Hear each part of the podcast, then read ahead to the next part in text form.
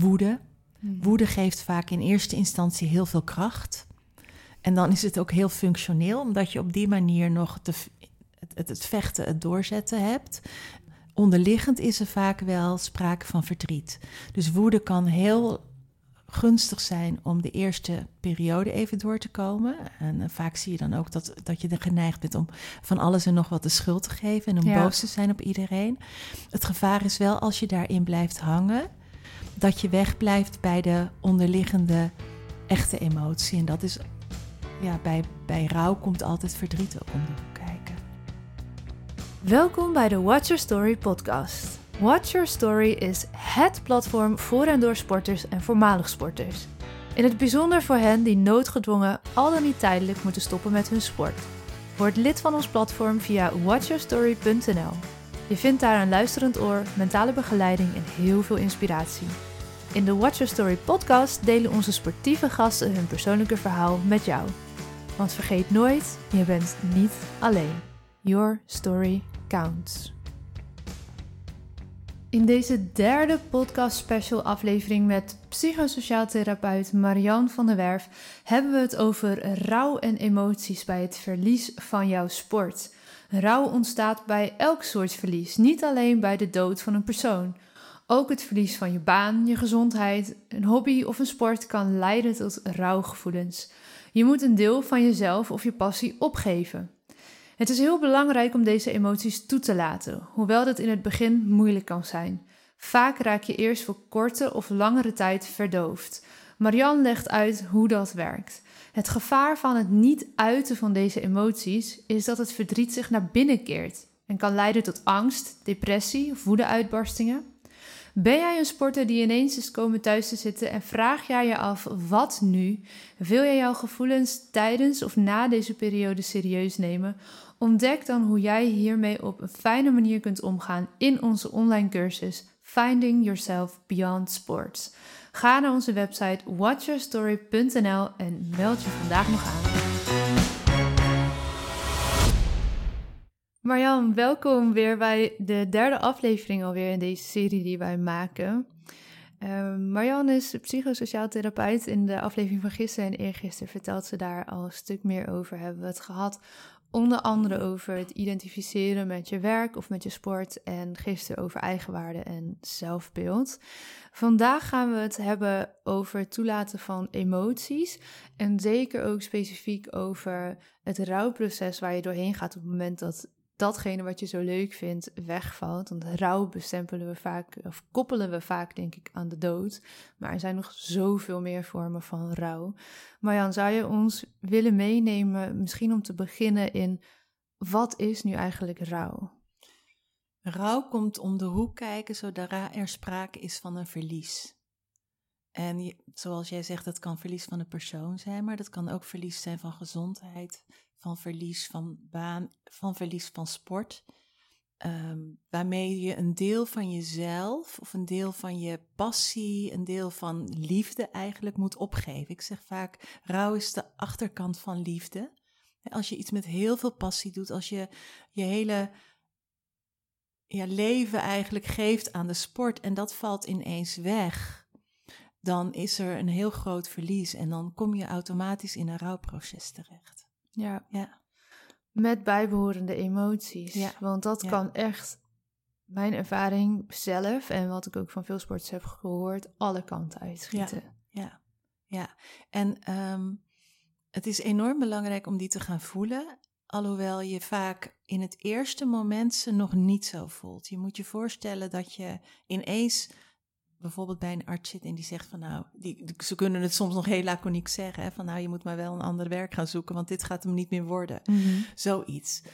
Ehm, dan komt dat zo hard binnen dat het dat je al, bij wijze van spreken als een, een, een vuurpijl omhoog geschoten wordt en er even niets meer is. Ja. En dan land je en dan dringt het door. In die periode, ik, ik kan me voorstellen dat het heel erg verschilt van mens tot ja, mens. Ja, Je ja. denkt, ja, eh, het land na een uur of het land na vijf jaar. Dat, dat kan natuurlijk zoveel verschil in zitten. ja dat ik. klopt. Het, het eh, kan al na een paar minuten zijn, maar het kan ook dagen dat je gewoon in een soort roes zit.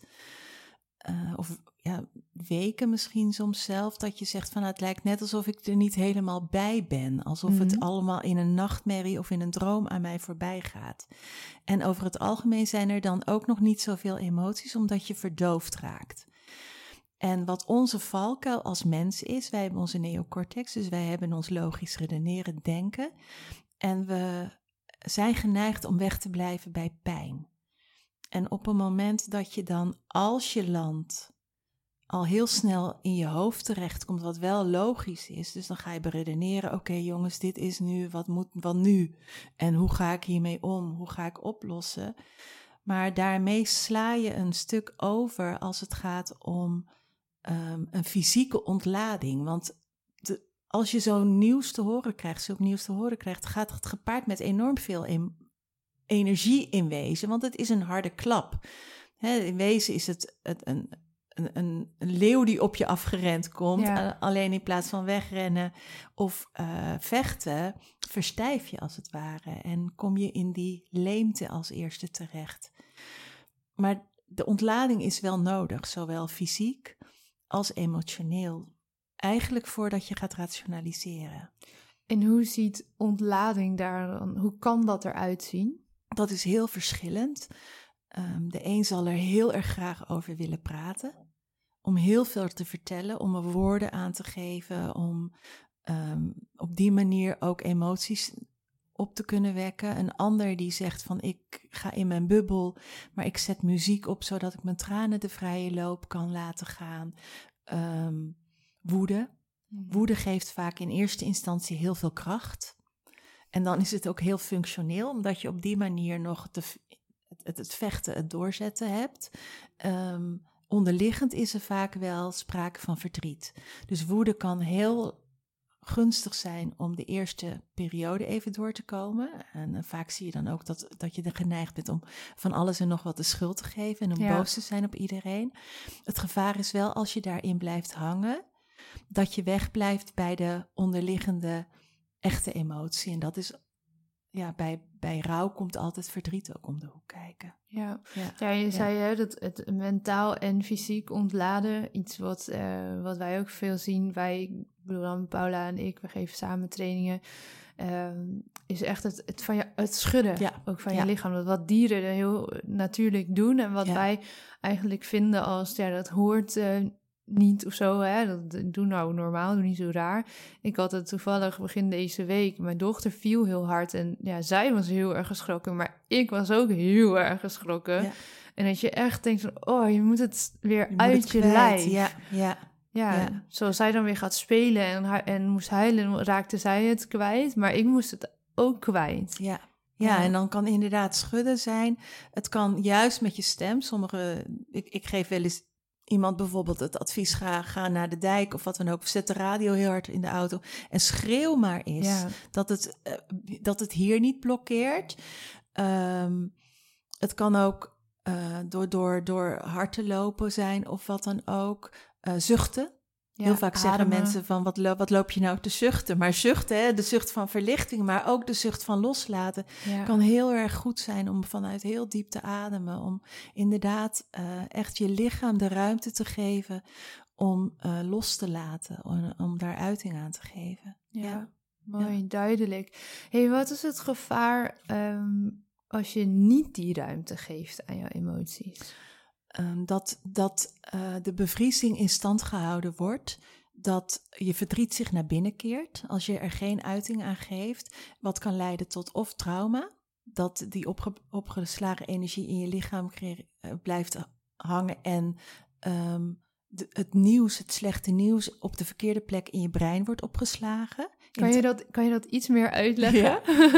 Ehm, normaal gesproken, als jij iets meemaakt, dan ehm, denk je daarover, je praat erover, je loopt er een paar dagen mee rond, maar dan is dat verwerkingsproces automatisch dan, en dan stabiliseert dat en dan wordt dat in, als een neutrale herinnering opgeslagen. Op een moment dat je slecht nieuws krijgt en je wereld stort in, want dat is in wezen wat er op dat moment gebeurt, en je geeft daar geen woorden aan, geen emotie aan, dan keert dat zich naar binnen. Ehm, waarmee het dus niet op de juiste manier verwerkt wordt. Eigenlijk helemaal niet verwerkt wordt. Dat verwerkingsproces komt dus niet op gang. En dan wordt het een onverwerkte herinnering die op een verkeerde plaats, over het algemeen in het angstcentrum, in het emotiecentrum of zelfs in het oudste deel van je brein wordt opgeslagen.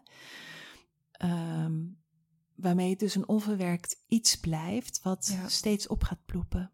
En ook ehm, triggers gaat geven in je dagelijks leven. Ja, precies. Want je noemde al, hè, van als je er niks mee gaat doen, je kan er angst en depressie van krijgen. En dan blijft het dus ook, nou ja, een depressie blijft natuurlijk dagelijks. Ja, en een depressie is echt de manier dat het zich naar binnen keert. Bijvoorbeeld woede-uitbarstingen en angst of paniekaanvallen. Dat is dan de, de, de, de de, de, eigenlijk de externe manier van uiten die ook voor kan komen. Ja. Als er nu mensen luisteren die dit herkennen, Ehm, wat zou voor hen een goede eerste stap zijn om te zetten als ze hier iets mee willen gaan doen? En die wil ik herkennen dat ze misschien depressieve gevoelens hebben, uh, woede, angst, uh, nou, de dingen die jij zo net uh, mooi hebt geschetst. Wat zou een goede eerste stap zijn? De eerste stap is je realiseren dat het niet jouw schuld is. Dat je je er niet voor schaamt, omdat het het is een, een, een,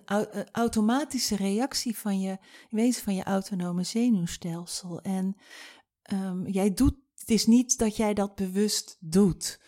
En vaak schamen mensen zich juist ervoor van, oh nee, ik heb steun en ik heb zo'n goed leven eigenlijk. En nou, nou, voel ik me rot en ik word depressief en wat stom dat ik er niet mee kan dealen.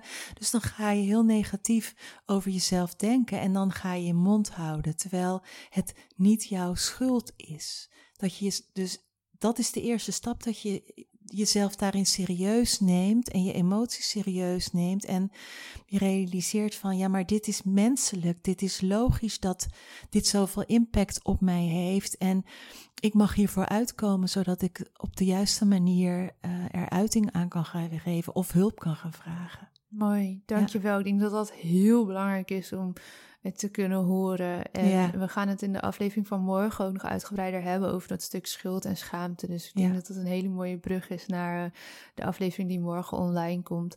En ik hoop dat als je dit luistert en je hebt hiermee te dealen, luister misschien die laatste uh, vijf minuten of luister de hele aflevering zeker nog even een keertje, zodat je in alle rust kan horen wat Marjan hier zegt. Want het is zo'n belangrijke boodschap en zo'n wezenlijke eerste stap. Ja, ja. Ja. Dankjewel voor vandaag. Tot morgen. Tot morgen. Dankjewel voor het luisteren naar deze aflevering van de Watch Your Story podcast. Ben je op zoek naar een luisterend oor omdat je in een lastige fase zit binnen of na jouw sportieve leven? Word dan vandaag nog lid van ons platform. Dit kan heel eenvoudig via watchyourstory.nl.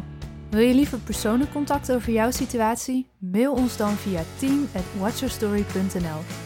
Je mailt ons vertrouwelijk en krijgt altijd een antwoord. Verder vinden we het natuurlijk super leuk om te weten wie er luistert.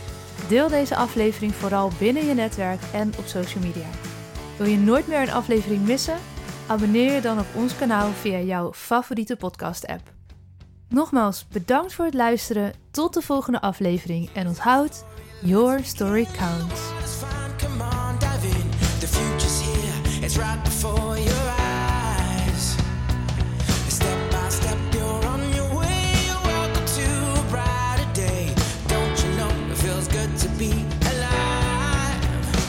You could be larger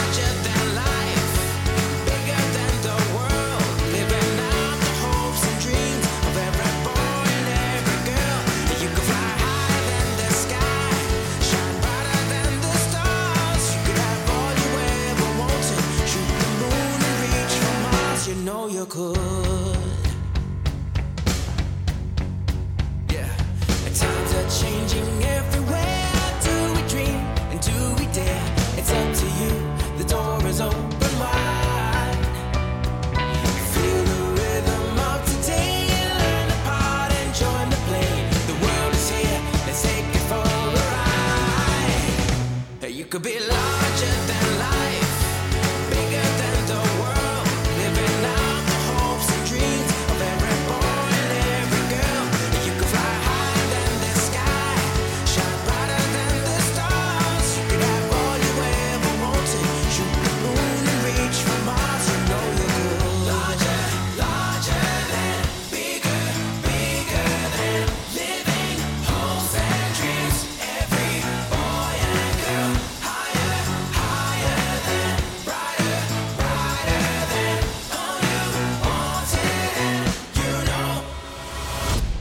could be. Love.